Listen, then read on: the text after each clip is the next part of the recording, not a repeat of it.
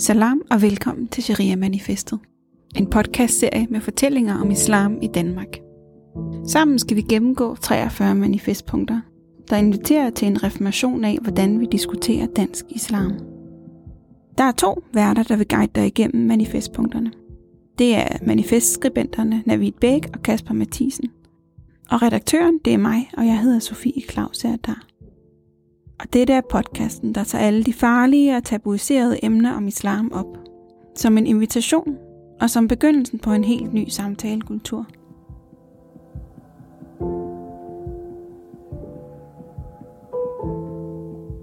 Det afsnit, vi skal i gang med nu, er egentlig det sidste afsnit af første sæson. Det kommer dog lidt forsinket. Undskyld, at vi vi har holdt en lang sommerferie her i Sharia-manifestet, men vi er tilbage og glæder os til at komme i gang igen. Vi er taknemmelige for den store interesse, manifestet og podcasten har vagt, og vi takker alle jer, som er trofaste lyttere, og også jer, der lytter med for første gang. Vi glæder os til at dele anden sæson med jer snart. Som vi vil høre mere om, så har islam en lang tradition for reformation og for diskussioner om reformation bag sig. Vi skal både diskutere muslimer og islams reformation i dagens afsnit. Vi starter med Kasper Navid på Hans Tavsens plads, og bagefter skal vi besøge akademikeren Sarah al på Dansk Islamisk Center. Dagens manifestpunkt lyder sådan her. Muslimer og reformation. Ægte forandring begynder med en reformation af hjertets og sindets tilstand. Muslimernes krise skyldes i høj grad vores kollektive spirituelle og intellektuelle tilstand. Vi kan ikke nøjes med at skyde skylden for vores problemer på andre. De religiøse læringsmiljøer, friskolerne og moskéerne kan gå i front, således at rationalitet, selvkritisk refleksion, moralsk forædling og spiritualitet kommer i højsædet i dansk islamisk identitet og mentalitet.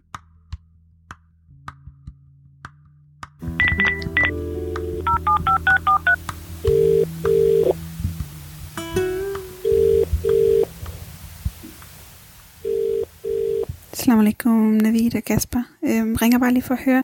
Kan I sige noget mere om, hvad det er, I gerne vil fortælle med manifestpunktet? Manifestpunktet Muslimer og Reformation. Vi taler meget om øh, forandring, øh, oplysning, øh, fornyelse, og det er måske en af de vigtigste punkter, sådan som jeg ser det i manifestet, Dansk Muslims Manifest, at øh, muslimer har brug for at reformere hjertet og sindets tilstand, som er en konstant øh, bestræbelse faktisk, øh, som alle mennesker kan have gavn af. Det er det her med, at fingeren den peger i sidste ende indad mod os selv. Det er der, vi i virkeligheden kan gøre en forskel. Og det er også der, forandringen begynder. Det er med selvkritik, selvrensagelse, og at vi oprigtigt ser på os selv og hvad vi kan gøre bedre. Det er også det, som er Allahs princip i Koranen. Det er det, der er hans sunna, som han taler om i blandt andet surah 13. Når han siger, Allah forandrer ikke et folks tilstand, før de forandrer deres egen tilstand. Deres egen indre tilstand. At skyde skylden på andre, det er noget, øh, alle gør. Det er helt almen menneskeligt. Vi elsker at feje for, for, for andre stør, før vi fejrer for vores, vores egen. Og der mener vi jo, at den her reformation og fornyelse øh, og selvkritik skal starte med moskéerne, friskolerne øh, og de religiøse læringsmiljøer. Fordi netop de her øh, miljøer og moskéer har et særligt ansvar for at kultivere det her element af den religiøse læring, altså den her realitetssans, den her kritiske sans, og især den her kritiske, øh, altså selvkritikken. Sådan så at de her øh, spirituelle principper, der altid stiller nafs og egoet til regnskab, kan blive udviklet i den næste generation. Hvem skulle ellers gøre det, hvis ikke det var friskolerne og moskéerne? Hvem skal ellers give det videre, den her religiøse lære, til de, til de næste generationer? Og det gør ondt. Og det er også en hård proces, helt sikkert. En forvirrende proces.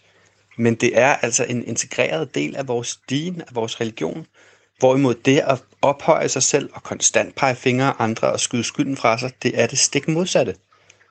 Det er netop shaitans vej, selv i Koranen, at kaste skylden fra sig, når man bliver bebrejdet noget. Så shaitan han bliver beordret til at bøje sig for Adam, men han nægter. Og når han bliver bebrejdet for det her, når Allah stiller ham til regnskab, så er redaktionen hvad? Det er selvretfærdighed. Han siger, jeg er bedre end ham. Du har ledt mig på vildveje. Det er det, der er shaitans svar. Han skyder skylden på andre, mens han ophøjer sig selv.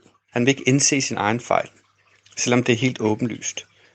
Så lad os undgå den her tendens, når vi hver eneste dag bygger fremtidens muslimske mentalitet her i Danmark. Det er det, de religiøse læringsmiljøer gør. De bygger fremtidens islam i Danmark, så det er et kæmpestort ansvar. Og der skal altså være den her rationalitet, den her selvkritiske refleksion, en moralsk forædling og spiritualitet, som vi skriver. Det er det, der skal være i højsæden i den, i den dansk-islamiske identitet og mentalitet. Og hjertets reformation, ja, hvad betyder det? Øh, det betyder blandt andet, at øh, muslimer, vi skal finde det sted i hjertet, øh, hvor mennesket møder Guds tegn. Øh, hjertets hjerte, kunne man også kalde det for. Fordi i islam, så ser man på mennesket, det menneskesyn, man har, det er, at mennesket kan man se som et hjerte. Ikke det fysiske organ, men det spirituelle følelsesapparat, som, som vi alle har. Fordi mm, hvis hjertets tilstand er sund, så er hele kroppen sund. Og hvis den fordærves, hvis den bliver syg, så bliver hele kroppen syg. Så derfor er hjertets sundhed, både det biologiske, men det åndelige sundhed, helt centralt for den måde, man ser på mennesket på i islam. Og det den inderste, det er vores mest hemmelige og uberørt kammer i hjertet, som vi skal beskytte.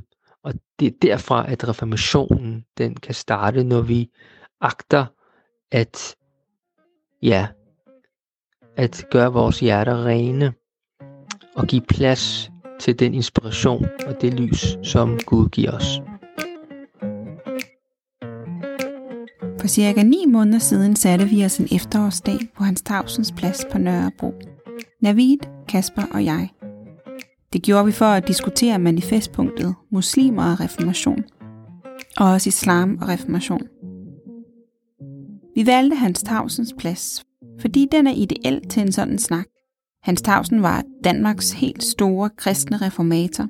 Som katolsk munk og gejstlig studerede han samtidig med den tyske reformator Luther, og han kom inspireret hjem og var med til at revolutionere, hvordan man var kristen i Danmark. Spørgsmålet er, hvordan man definerer reformation. Øh, spørgsmålet er, om der allerede har været reformationer i islamisk historie. Men jeg synes, det vil være forfærdigt bare at sammenligne det med den protestantiske reformation, eller søge noget, øh, der, der minder om den protestantiske reformation, fordi Martin Luthers opgør var imod den katolske kirke, og muslimer har ikke en, en hierarkisk struktur, eller islamiske lande, eller øh, religiøse lær, det har ikke en eller anden anstalt, øh, en eller anden institution, som de øh, piger efter, øh, eller indordner sig under, øh, som er centralt øh, for alle muslimer på verdensplan. Så på den måde, så, så, så er det faktisk usammenligneligt, de to størrelser der. Jamen, det tror jeg, du har meget ret i. Og så, altså, der ligger jo også ligesom i... Øh, altså, dels du siger, at, at reformation har en lang historie i, øh, i islam. Altså, man kan faktisk gå helt tilbage til begyndelsen, til åbenbaringen, hvor islam i sig selv, altså det budskab, som profeten, Al-Islam, kommer med, er en reformation af de tidligere profeters lærers, øh, hvad kan man sige, forandring over tid. Altså han går ind, profeten al Waslam, og, og siger, ja, udgangspunktet for Jesu lære og for Moses lære og Ibrahims lære er rigtigt, men der er sket en form for forandring over tid, og vi er nødt til at genforme, genetablere den sande religion. Og det er jo det, der er grundbetydningen af en reform, altså at man genformer på basis af, af, af det oprindelige. Og det er også derfor, at den protestantiske reformation hedder en reformation. Fordi at netop Luthers pointe er, at vi skal tilbage til teksten. Vi skal tilbage ud om hele traditionen og alle de der forvanskninger og, og ting, der har indlejret sig i, i vores historie og i vores kirke, og finde tilbage til den sande lære. Så selv udgangspunktet for islam er netop den samme idé, at man kan vende tilbage til en oprindelig lære, som allerede har været i verden før, og som man så kan, kan reformere og vende tilbage til. Og når man så kigger på på, igen på historien, jeg tror, du har meget ret i det der med, at, altså, at, at reformen er jo noget, der foregår igen og igen. Det er noget, der hele tiden er behov for. Der er hele tiden behov for at genetablere den islamiske religiøsitet, og genetablere og, og, og gendanne øh, religionen til nye steder, til nye tider og nye former. Fordi der vil hele tiden være det her forfald. Der vil hele tiden være den her øh, forandring, og derfor vil der også hele tiden være et behov for at finde tilbage til roen. Og det gælder både for det enkelte menneske, altså at man, man ligesom finder tilbage og finder sin sande, rene tro, men også for grupper af mennesker og for samfund, at man, at man reformerer og vender tilbage. Øh, så jeg tror, du har fuldstændig ret. Man kan også, altså hvis man går længere tilbage i 1998 og kigger på, på den modernistiske reformbevægelse, som kommer med Alavrani allerede i, i midten af det 19. århundrede, Mohammed Abdu omkring Al-Azhar i Ægypten, og Rashid Rida, øh, også i den arabiske verden, men som, som faktisk dækker ud over hele den islamiske verden, der har du den her idé om, at vi er nødt til, i lyset af den moderne tid, i lyset af den her kæmpe forandring, som verden har set, at kigge på teksterne igen. Kig på de praksiser, vi har som muslimer. Kig på de systemer, vi har i vores lande og i vores kultur. Og genforme, finde, finde tilbage til noget oprindeligt, og, og derfor skabe noget nyt. Så, så øh, på den måde, så tror du har ret i, at reformationen har allerede været der, og den har været der flere gange. Netop fordi der ikke er en institution. Der er ikke nogen katolsk kirke. Så kan man bare ikke sige, at altså, der opstår ikke det der skisma, hvor man siger, jamen nu vi har vi alle dem, der er imod kirken, og så har vi alle dem, der er for kirken. Sådan vil en reformation aldrig se ud i den islamiske verden, fordi der ikke er en central institution. Har vi nogle islamiske begreber, der hentyder eller direkte berører ordet reformation? Øh, kan, du, kan du sige noget det, det almindelige begreb, man bruger, det er islah, altså at man, øh, man genopretter noget, eller fikser noget i virkeligheden, ikke? Reparere noget, som, øh, som så implicit har været i en eller anden form for forfald eller i stykker. Og, og netop islah, det er jo også et, et, et, et, øh, et koranisk begreb. Så har vi altså det helt mest basale, det er al-amr bil ma'ruf og nahi al munkar. Altså at man, man, øh, man påbyder det gode og forbyder det onde. Implicit i det ligger der også en bevægelse hen imod hele tiden at, at reformere og, og genskabe verden øhm, og gøre den bedre. Så, øh, så når vi snakker om for eksempel her i, i den her tekst, muslimernes kriser, står der, skyldes i høj grad vores kollektive, spirituelle og intellektuelle tilstand.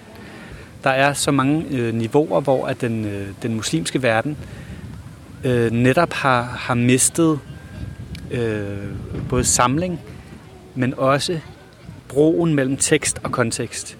Verden har forandret sig så utrolig meget. Lige nu der sidder vi i en park her i, øh, i det protestantiske Nordeuropa. Islam befinder sig i en helt ny situation i verden. Muslimer befinder sig i, i kulturer og, og kontekster, som er så radikalt anderledes end noget, der går forud for nutiden. Det er en, det er en reformation, der, der allerede er i gang, og den kommer nedefra. Den kommer i og med, at muslimerne er flyttet ind i moderniteten og, og skal lære at leve med og forstå og begribe dem selv som mennesker og deres religion i den her kontekst. Jeg tror, at bevægelsen er allerede i gang, og det har den været i 200 år. Og vi kommer heller ikke til at, vi kommer til at se de næste 100-200 år, at muslimernes hjerter, muslimernes tilstand, muslimernes normer gennemgår så voldsomme øh, forandringer, at det vil være simpelthen reformationen. Det vil simpelthen, det, det tror jeg, det er. Øhm, så du mener ikke, vi har behov for at formulere noget? Der vil være behov undervejs for, for guidelines og for pejlemærker og for tænkning. Der er behov for samtale, der er behov for bøger, der er behov for sådan noget som det her. Altså, der er behov for, for, for en masse idéer. Men det er op til det enkelte. Ligesom vi starter med at skrive, det, det er hjertet og sindets tilstand. Islam er noget, der sker inde i folks hjerter. Islam er ikke en kirke, islam er ikke en institution.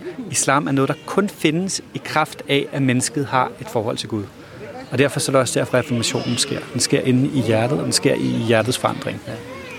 Og det, det er også det, vi øh, lægger op til i vores manifestpunkt, ikke? at det er hjertets reformation, som vi efterlyser. Fordi det andet er allerede i gang. Men hjertens reformation, det er også noget, som bunder i, spirituel indsigt om, hvem er vi som mennesker, og hvorfor er vi her, øh, og hvad skal vi med livet i al dens kompleksitet og, og forvirring øh, og distraktioner. Øh, hvad skal vi egentlig her, og hvordan navigerer vi? Og der tror jeg, at vi skal tilbage til råden igen. Øh, vi skal tilbage til vores essens. Øh, og det er derfor, jeg er så vild med det vers der, som vi også citerer her i manifestet, at øh, Gud han ændrer ikke øh, folks tilstand, før det ændrer det, der er inde i dem selv. Så det er måske et spørgsmål om at accentuere det rigtigt, altså at, at, uh, at lægge, lægge, lægge vægt på det rigtige. Og, og hjertets renselse, det er jo det er, det er noget, der også godt, det er jo en, en kernetradition i den islamiske historie og i den islamiske spiritualitet. Det er ideen om, at mennesket kan forbedre sig. At vores hjerte kan blive renset. Hele der sker der nafs, altså egoets øh, forædling, hele, hele ideen om, at man, man, man kan forædle sin moral, at man kan blive et bedre menneske, at man kan komme tættere på Allah, at man kan, kan udvikle sig selv det er selve kernen af islam. Selv hvis du går tilbage til tekster fra, der er 1000 år gamle eller 1200 år gamle, så finder du ud af, at selv de største lærte, de mest ortodoxe og retslærte og fokus på det ydre, inden bagved, der ligger der et meget vigtigere fokus, som er forholdet til Gud. Det man kalder øhm, altså muraqabat nafs, altså at, at man selvkritisk holder øje med sig selv, overvåger sig selv, regulerer sig selv, i hver eneste lille bevægelse, der er i hjertet. Ja, så egentlig det, vi mener med, med, med hjertets renselse, det er at, at, at tale med Gud. Uh, det er jo det, det er opret en, en relation til Gud. Og det handler ikke om udvand, fordi i hjertets forædling, som Kasper er inde på, ligger der også praktisk delen. Du kan ikke bare sige, jamen, jeg har et rent hjerte. Jeg behøver ikke at, at praktisere. Jeg, jeg behøver ikke at bede min bøn, eller jeg behøver ikke at, at følge islams øh, øh værdier og normer. Øh, fordi de to ting hænger, hænger jo sammen. Øh, praksisen og, øh, og, og den indre øh, tilstand. Prøv at gå dybere ind i os selv og se, hvordan bliver vi bedre mennesker. Så vi starter, starter med, med, med det helt basale. Øhm, og så går det videre til, til familien, og så går det videre til nabolaget, og så går det videre til resten af samfundet der, hvor vi finder den rigtige reform. Det er, når vi vender os til Gud, og Gud modtager os og hører vores bønder, øh, og når vi øh, ydmygt beder ham og tækker ham om, om livet og om, at han skal give os sin nåde og sin tilgivelse og sin barmhjertighed, og ikke mindst sin kærlighed.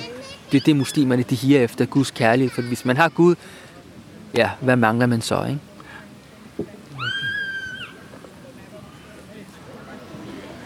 Man hører tit den her, øh, Navid, man hører tit den her, øh, øh, det her nærmest et mantra blandt muslimer om, at øh, men det er også vestens skyld, eller det er også fordi, at, øh, øh, at kalifatet er faldet, eller det er også øh, fordi, at øh, øh, de arabiske eller de muslimske ledere er så korrupte. Altså, at man ligesom siger, årsagen til problemet er nogle andre. Øh, hvad tænker du om, om, om den tankegang? Altså, øh, kan, man, kan man ligesom lede problemet tilbage til, til nogle ydre omstændigheder? Jeg, jeg, jeg, jeg tror ikke, man kan falde tilbage på den der med, at det altid er jødernes skyld, eller det er USA's øh, skyld, eller der er et eller andet hemmelig lobby, der arbejder imod muslimer, øh, og som vil have os til at reformere os. Øh, jeg synes, der er vi ude på en glidebane, som, som ikke giver mening overhovedet. Så, så, så det starter med os selv, og det starter ikke med at, at give skylden øh, til andre. Eller lægge. Og, og det, det tror jeg, det findes i, i rigtig mange muslimske kredse, hvis det skulle være selvkritisk, at det er altid de andres skyld, øh, og der er altid et eller andet, øh, som ikke har med os at gøre. Og vi er de fejlfrie, og vi er de frelste. Øh, og det synes jeg er en farlig tendens, i stedet for at, at tage det på os og at lave det hårde arbejde. Altså, det, det er hårdt arbejde og, og, og stå frem og tage ansvar for sin familie og sine børn og sit arbejde og, og for samfund og opbygge relationer og naboskab og god naboskab og venskaber på kryds og tværs. Det er da hårdt arbejde. Øh, og derfor så, så synes jeg nøgleord, det er, det er ansvar her. det handler også om, om, om at have en tillid og, og en åbenhed over for den, den verden, Allah har skabt. Og Allah har lige så meget skabt den her verden, som den verden, som var i Mekka og Medina, da profeten levede, al-Islam. Det er den verden, Allah har bestemt skal være her. Som muslimer, der tror vi på, at alt er Allahs vilje. Alt det, vi misbilliger, alt det, vi tager afstand fra, alt det, vi siger, det er også bare fordi, og peger på andres dårligdomme, det er også Allahs skaberværk. Vi kan, der er ikke nogen nem løsning. Der er ikke nogen, nogen, nogen øh, måde at, at, at, hvad kan man sige, stille sig udenfor og sige, hvis bare verden var sådan og sådan, hvis bare folk var sådan og sådan. Det er en form for, for mistillid til Gud. Og det er også en misforståelse af, af hvad, hvad troen er. Verden er præcis, som den skal være. Verden er præcis, som Allah har skabt den. Vores, vores, vores øh, udfordring er, hvad kan man sige, at forene os med det og få det bedste ud af det. Det handler om frigørelse. I islam, der har vi ikke brug for et mellemled til at opnå Gud. Den basale islamiske lære er netop en reformation, som siger, at mennesket bliver frigjort og har adgang til Gud hvor som helst, når som helst. Øh, og kan bede til Gud når som helst, øh, øh hvor som helst. Så der ligger implicit i islamisk teologi allerede en, en reform, øh, at mennesket skal bevæge sig hen imod Gud og opnå nærhed og, og nærvær til Gud uden nogen former for mellemled eller en institution, der skal bestemme, hvordan du nødvendigvis skal gøre.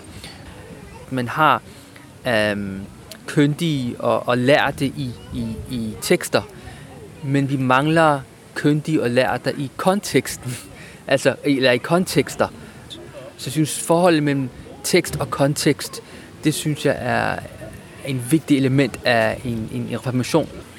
Vi har behov for det der mod til at træde ind i noget ukendt og tænke noget, som ikke har været tænkt før, og bryde rammerne for, det her må du gerne sige, det her må du ikke sige, det her må du gerne tænke, det her må du ikke tænke. Altså vi bliver nødt til at åbne det hele op igen. En genåbning, selvom vi ikke kan være visse på, hvor det leder hen. Ikke bare fordi det, det er en sjov øvelse, men fordi at nutiden og verden i dag simpelthen kræver det af os. Og der, der, der, der tror jeg faktisk, der ligger noget af nøglen til det. Altså at, at moskéerne og friskolerne og de religiøse læringsmiljøer, lige nu, der fungerer de som varetager af traditionen. De fungerer som en konservativ kraft i en verden, som er under forandring. Men hvis ikke de samtidig har en åbenhed og en, en, øh, en, øh, et rum, hvor der er højt til loftet i forhold til hvad, til, hvad man kan gøre og være og sige og tænke, så mister de deres relevans.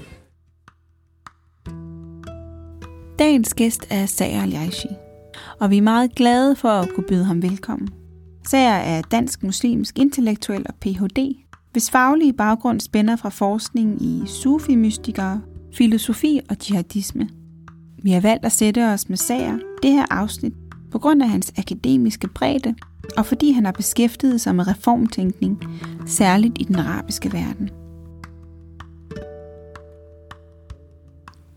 Jeg vil gerne sige velkommen til Saer al som er øh, islamforsker og Ph.D. og har blandt andet beskæftiget sig med, øh, med sufisme og islamistisk til tænkning i, i nyere tid. Øh, jeg kunne godt egentlig tænke mig at starte lidt, lidt et andet sted, øh, øh, Saer. Nu har vi jo fået dig til at komme herind, og hvis du sådan lidt skulle, skulle beskrive din egen øh, religiøsitet, sådan som den er nu øh, her, øh, efter mange års studier og efter et, et halvlangt liv, jeg tror, du er omkring de 40, måske lidt mere. Men hvordan vil du sådan sætte ord på det? Jeg er fyldt kan jeg sige.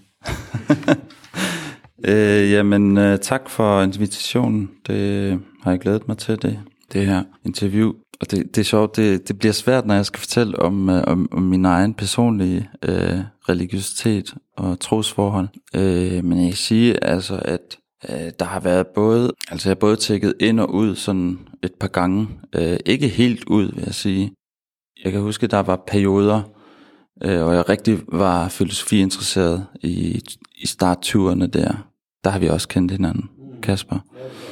Øh, det var sådan en brydningstid for mit vedkommende, hvor ja, den tro, man var vokset op med i barndommen og så videre, den ligesom, øh, den krakelerede, sådan mildest talt, ikke? øh, og så skulle man bygge noget andet op i stedet. Ikke? Øh, og øh, det var en lang proces, og det var hårdt, og det var smertefuldt også. Øh, det gav også anledning til nogle, nogle lange, lange snakke og samtaler, også med familiemedlemmer, og, fordi man var lidt rebelsk, ikke? Der har været perioder, hvor man har tvivlet, og nu siger jeg mand, jeg skal huske at sige jeg, hvor, man, hvor jeg har tvivlet og stillet spørgsmål. Men det hænger selvfølgelig også sammen med, at jeg har studeret islam, og jeg er også idehistoriker.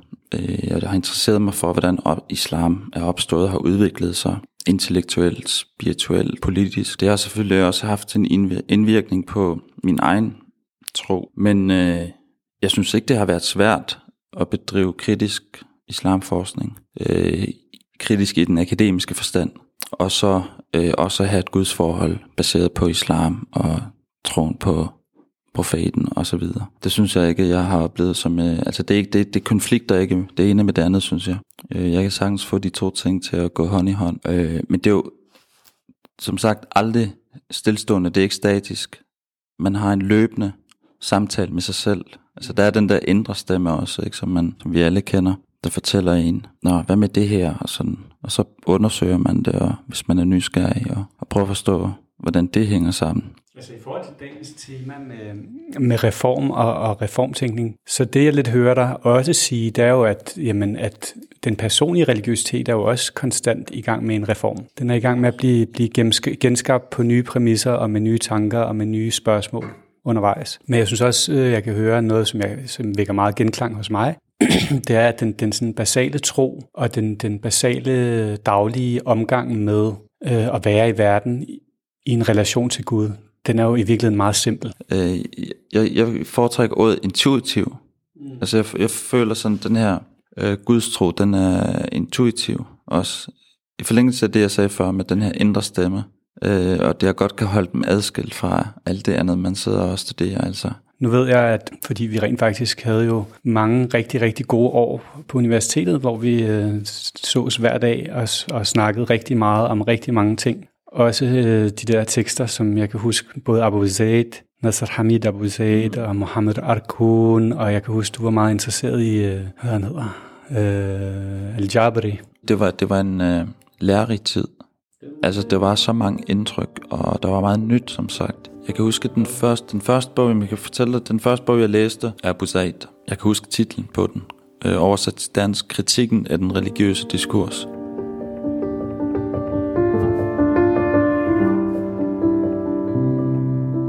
Her nævner Sager især Nasser Abu Zaid. En egyptisk akademiker, der blev dømt for at være apostat, det vil sige uden for islam, grund af indholdet af hans akademiske arbejde. Hans kone blev tvangsskilt fra ham, og ægteparet, der havde et langt, lykkeligt ægteskab, valgte på grund af dette og også på grund af dødstrusler at flygte til Holland, så de kunne forblive gift.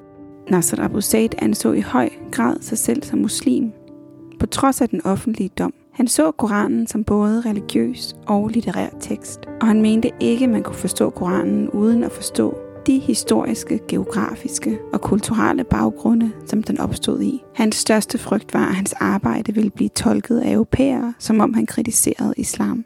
Han gik bort i 2010.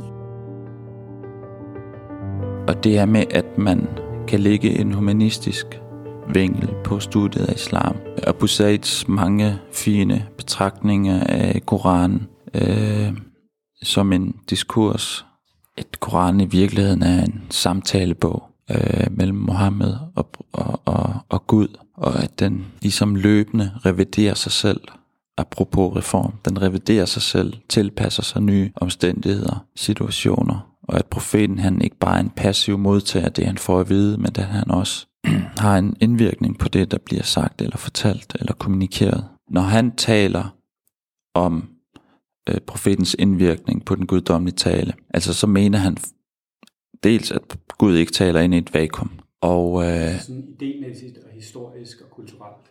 Primært kulturelt. Så kulturhistorisk er Koranen et, et, øh, et historisk dokument. Profetens livshistorie, den er jo også, den, den er rammen om åbenbaring. Ikke? Både i Mekka og i Medina. Det var også noget, de tidligere, tidligste muslimer havde opdaget også, og ligesom tænkt det ind i deres historieskrivning. Mm. Så var det det her med, at det er en tekst, der reviderer sig selv løbende. Og øh, det er jo fordi, at Abu Said han vil sige, at det, det er en levende talende. Det er en levende tale, ikke? Og øh, den, den, øh, altså udgangspunktet, eller ophavet er guddommeligt, men modtageren er et menneske. Og øh, menneske ligesom determineret af tid, sted, kultur og så videre. Og der er en vigtig historisk og kulturel ramme omkring den her tale, som er åbenbaringen. Og den kan man ikke bare se bort fra mm. eller negligere. Og igen, det betyder ikke, at det ikke er en guddommelig tale. Ikke? Mm. Det er det, man har været så bange for, at, ligesom, at, at, at, at begynde at diskutere. Det, fordi man, man er bange for, at man rokker ved, ved åbenbaringens guddommelige status og den slags. Mm. Og det forstår jeg slet ikke, mm. at man er bange for. Jeg kan i hvert fald ikke se et problem. I, i, i mange religiøse miljøer, sådan i hvert fald dem, der sådan ligesom repræsenterer en eller anden form for, for ortodoksi, eller øh, som repræsenterer det normale, der har man netop en angst for, at religionen skal falde fra hinanden under den her øh, moderne kritik. Og derfor så sker der måske en, en tabuisering af nogle af de her spørgsmål. Og det er blandt andet sådan noget, som også øh, Mohammed Arakun er inde på, med at han snakker om det, det utænkelige og det utænkte. Altså at der er ligesom en, der er sket en kanonisering af en bestemt del af historien og en bestemt del af tænkningen og, og traditionen og fortolkningen. Og i og med, at der er kommet den her kanonisering, den her tradition, så har man også udskilt en masse andre ting, som så ikke kan være med, som ikke er det, vi læser, som ikke er det, der er på pensum, som ikke er det, der øh, står bøger om nede i moskeen, men som findes og har været en lige så rig og, og varieret og mangefacetteret del af den islamiske historie. Så det, man skal huske på, det er det, du kalder ortodoksi nu. Det har jo på et tidspunkt øh, været en blandt andre fortolkninger, som er mange forskellige årsager, politiske primært, er blevet kanoniseret, eller ligesom udvalgt som den mest rigtige. Så man skal også passe på, som tilhænger af reform, at man ikke altså ligesom gør sin egen læsning eller fortolkning til en ny ortodoksi øh, på bekostning af andre. Jeg tror, jeg synes udgangspunktet skal være en accept af forskellighed. Og det princip synes jeg også, at der lægges op til i Koranen. Altså forskellighed, diversitet, det er sunna khulqiyya, altså det er en kosmisk sunna. Man skal ikke tage fejl af, at, at magten, den politiske magt, også i Danmark, er meget, meget, meget ops på at definere islam for, for muslimer. Og det er ikke øh, Øh, nødvendigvis noget, der tager udgangspunkt i, i hverken tekst eller den islamiske tradition. Det tager udgangspunkt i noget helt andet. Og det er jo der, den ligesom øh, tit står og falder i forhold til den her, øh, det her clash, der er mellem øh, de europæiske lande, eller de vestlige lande og muslimerne. Det er, jamen, hvem har egentlig den, den juridiske overhånd i sidste ende? Og hvilke værdier er egentlig dem, som samfundet skal, skal, skal søge retning imod? Hvor at, at der i højere og højere grad er et udpræget og udtalt ønske om, at muslimerne klart og tydeligt på manifestform skal tilslutte sig blandt andet senest her Macrons øh, republikens værdier. Altså det er jo et spørgsmål om at gennemtrumfe en magt, og jeg ser også en større og større villighed fra staternes og magthavernes øh, side til helt konkret at gå ind og prøve at definere og, og indlemme, inddæmme islamisk, øh, islamisk liv øh, i Europa. Og den magt ser jeg mere og mere politikere være villige til at, til at gribe over for muslimer. Og det har jo en kæmpe indflydelse. Så jeg tror, at de her forskydninger vil, vil være endnu større øh, fremadrettet. Netop fordi de bliver indkapslet i, i skolernes undervisning, det bliver indkapslet i de juridiske systemer, i, i alle de her ting, som, som muslimer bliver ligesom opflasket på statens øh, øh, præmis om, hvad, hvad islam er. Det er lidt en øh, bekymrende udvikling. Altså det er der ikke nogen tvivl om. Når staten går ind og dikterer en, øh, en, en bestemt måde at læse en religion på, så bliver det jo meget problematisk også i det mindre. Ikke? Man har udviklet et, et dogmatisk religiøst forhold til liberalismen i dag og sekularismen. Sådan, man kan ikke stille spørgsmålstegn ved det, og sådan. det er lige før det er national sikkerhed, der er på, på spil. Ikke? Og det er jo ikke fordi, man er imod menneskerettigheder og demokrati og sådan. Du kan godt høre, at jeg sidder også og sådan skal være omhyggelig i, i mit sprogbrug her, fordi hvordan bliver jeg forstået her, og mm. er han imod menneskerettighederne og sådan. Det, det, det er bare blevet enormt vanskeligt at diskutere de her ting. Og det er blandt andet øh, det, som, som en, en meget rigid sekularismeforståelse har gjort ved os, synes jeg. Den sekularistiske, oplysningsinspirerede fortælling er voldelig, fordi den udelukker og ekskluderer andre fortællinger. Den, den har en ambition om at umyndiggøre andre livssyn. Og det synes jeg er noget, vi skal tænke over. Friheden i dag i liberalismens ideologiske tidsalder, det er friheden til at vælge alt andet fra end liberalismen. Jeg vil hellere diskutere præmissen for debatten, end at tale ind i den her gængse debat eller diskurs om islam. Fordi den er problematisk. Noget af den ytringsfrihed, vi har, den skulle vi måske bruge øh, noget mere af på at kritisere magten og systemet, end at pege fingre af altså den muslimske underklasse. Jeg prøver ikke at, at, at tage eller fjerne ansvaret og lægge skylden over på andre eller nogle strukturer. Det er ikke det, der er med mit argument. Det handler bare om det grundlæggende i at indoptage en accept af flere tilgange og perspektiver, flere livssyn end den fremherskende. Fordi den fremherskende er ideologisk og har nogle magttendenser også. Nej, nej, så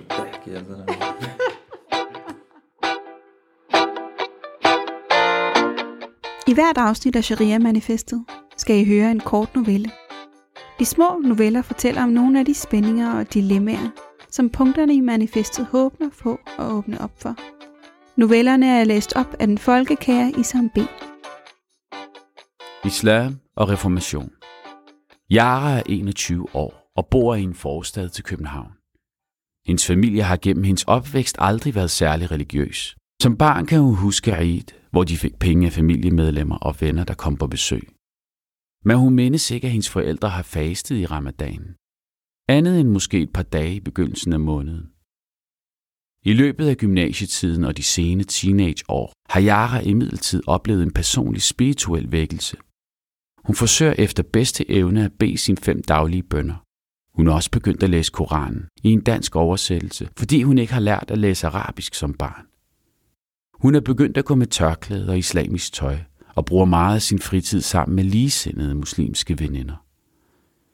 Yara er blevet en del af en gruppe omkring en københavns moské, hvor hun deltager i arabisk og islamundervisning og andre sociale aktiviteter. De har en hyggegruppe for unge kvinder, hvor de laver mad og spiser sammen en gang om ugen. Selvom Yara er glad for fællesskabet og sine nye venner, oplever hun, at der er en slags foragt for det omgivende samfund, som tager til efterhånden, som hun bliver mere og mere involveret i gruppen. Hun bryder sig ikke om den måde ikke-muslimer og ikke-praktiserende muslimer omtales som dårlige og umoralske mennesker. Mennesker, der er formørket og vilfarende. Samtidig føler hun, at de nedladende ord blandt andet rammer hendes egen familie, og at hendes forældre ville blive både ked af det og fornærmet, hvis de hørte, at de blev omtalt i disse termer blandt andre muslimer. Selvom de ikke er meget praktiserende, er de ikke i tvivl om, at de er troende muslimer. Jara opdager desuden, at der er magtkampe og intern splid i moskeen. I kvindegruppen og i møderne i bestyrelsen, som hun hører om, foregår der både bagtagelse og klikedannelse. Hun er svært ved at forene disse ting med den islam, hun godt kan lide, og endda med den moral og god opførsel, hun har lært hjemmefra som muslimsk. Hun bryder sig heller ikke om den måde, flere af hendes veninder i moskeen omtaler det omgivende samfund som korrupt og moralsk forkasteligt. Jara oplever mere og mere moskeen som en slags sekt, og hun synes, der mangler selvkritik, åbenhed og ægte spiritualitet. Hun forsøger at snakke med nogle af de andre i gruppen om det. Men da det ikke ændrer sig, holder hun gradvist op med at komme i moskeen.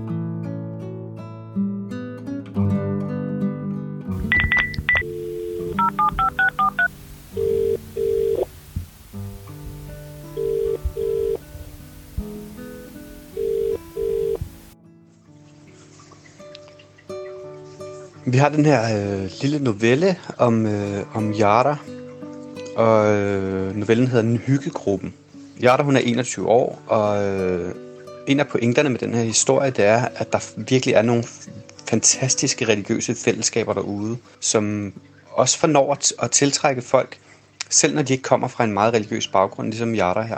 Jeg har selv været i mange kredse gennem årene, og der er så meget kæret, så meget godhed og viden og læring i mange af de her religiøse cirkler, der er tilknyttet moskéerne, eller som bare findes blandt øh, praktiserende muslimer. Og det er virkelig alfa og omega for et ungt menneskes spirituelle og moralske og religiøse dannelse, at der er de her kredse, så vi skal værne om dem og, og, og tak Allah hver eneste dag for dem. Der er mange, der oplever, ligesom jeg der her, sådan en naturlig spirituel vækkelse i ungdomsårene.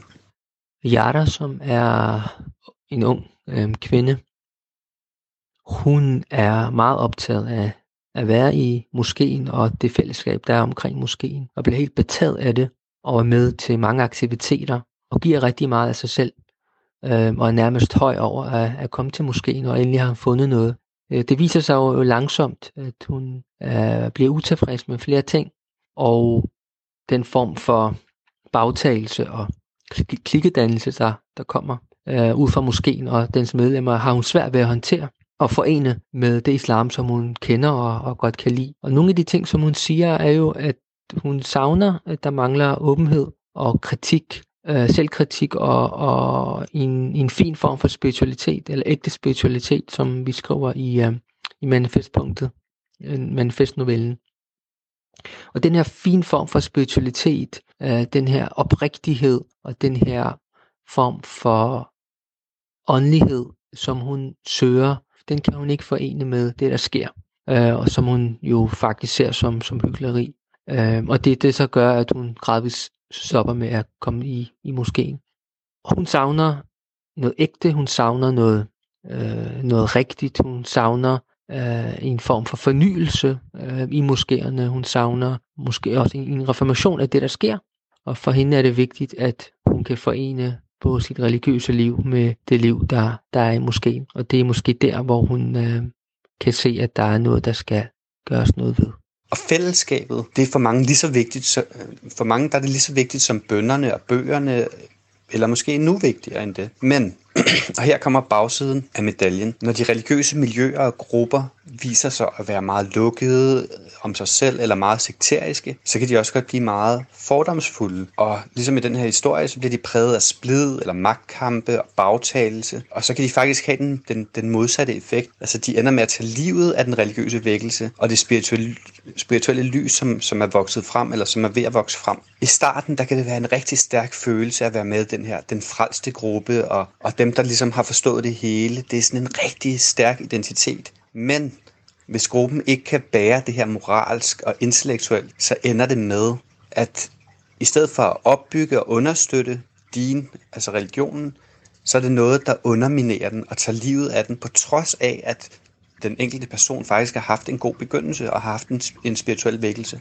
Jeg har mødt mange, der har snuset til religionen og er kommet i de her religiøse miljøer for at se, hvad det er. Og desværre også mange, der har følt sig fremmedgjorte eller har fundet dem utiltalende på sigt.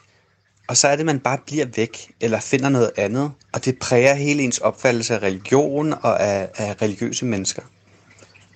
Man kan miste sin religion på det her og man kan komme i personlig krise, fordi man også mister sit fællesskab. Ligesom Yara her i historien. Så en meget central del af, af den her øh, nødvendige kulturelle muslimske reformation, hvor vi prøver at tage et opgør med nogle af de kulturelle praksiser, som, som der findes, det ligger netop i, i de religiøse kredses åbenhed og villighed og tolerance i forhold til at optage, indoptage nye mennesker på deres egen præmisser og selvfølgelig til at efterleve og videregive de her høje, øh, den her høje moralske lære i islam. Så det er sådan set det, der ligger i, i punktet her, at, øh, at moralsk forædling og spiritualitet skal lige være i højsædet sammen med selvkritisk refleksion og rationalitet. Fordi sådan en som Yara her, hun, hun vil i virkeligheden gerne være i de her fællesskaber. Hun vil i virkeligheden gerne komme der, og hun kommer der også. Men hendes, hendes din ender med at blive undermineret i, i splid og magtkampe, og, og den her oplevelse af hele tiden, at, at, at samfundet bliver omtalt negativt, hendes familie bliver omtalt negativt. Og det, så bliver man splittet mellem, mellem sin familie og mellem det her nye fællesskab. Og hun ender så med helt at, at give slip på det.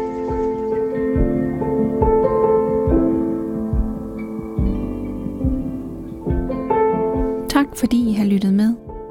Hvis I gerne vil læse mere om projektet eller gerne vil være en del af debatten, så kan I finde os på Sharia-manifestet på Facebook eller på vores hjemmeside danskmuslimskmanifest.dk, hvor I også kan læse hele manifestet.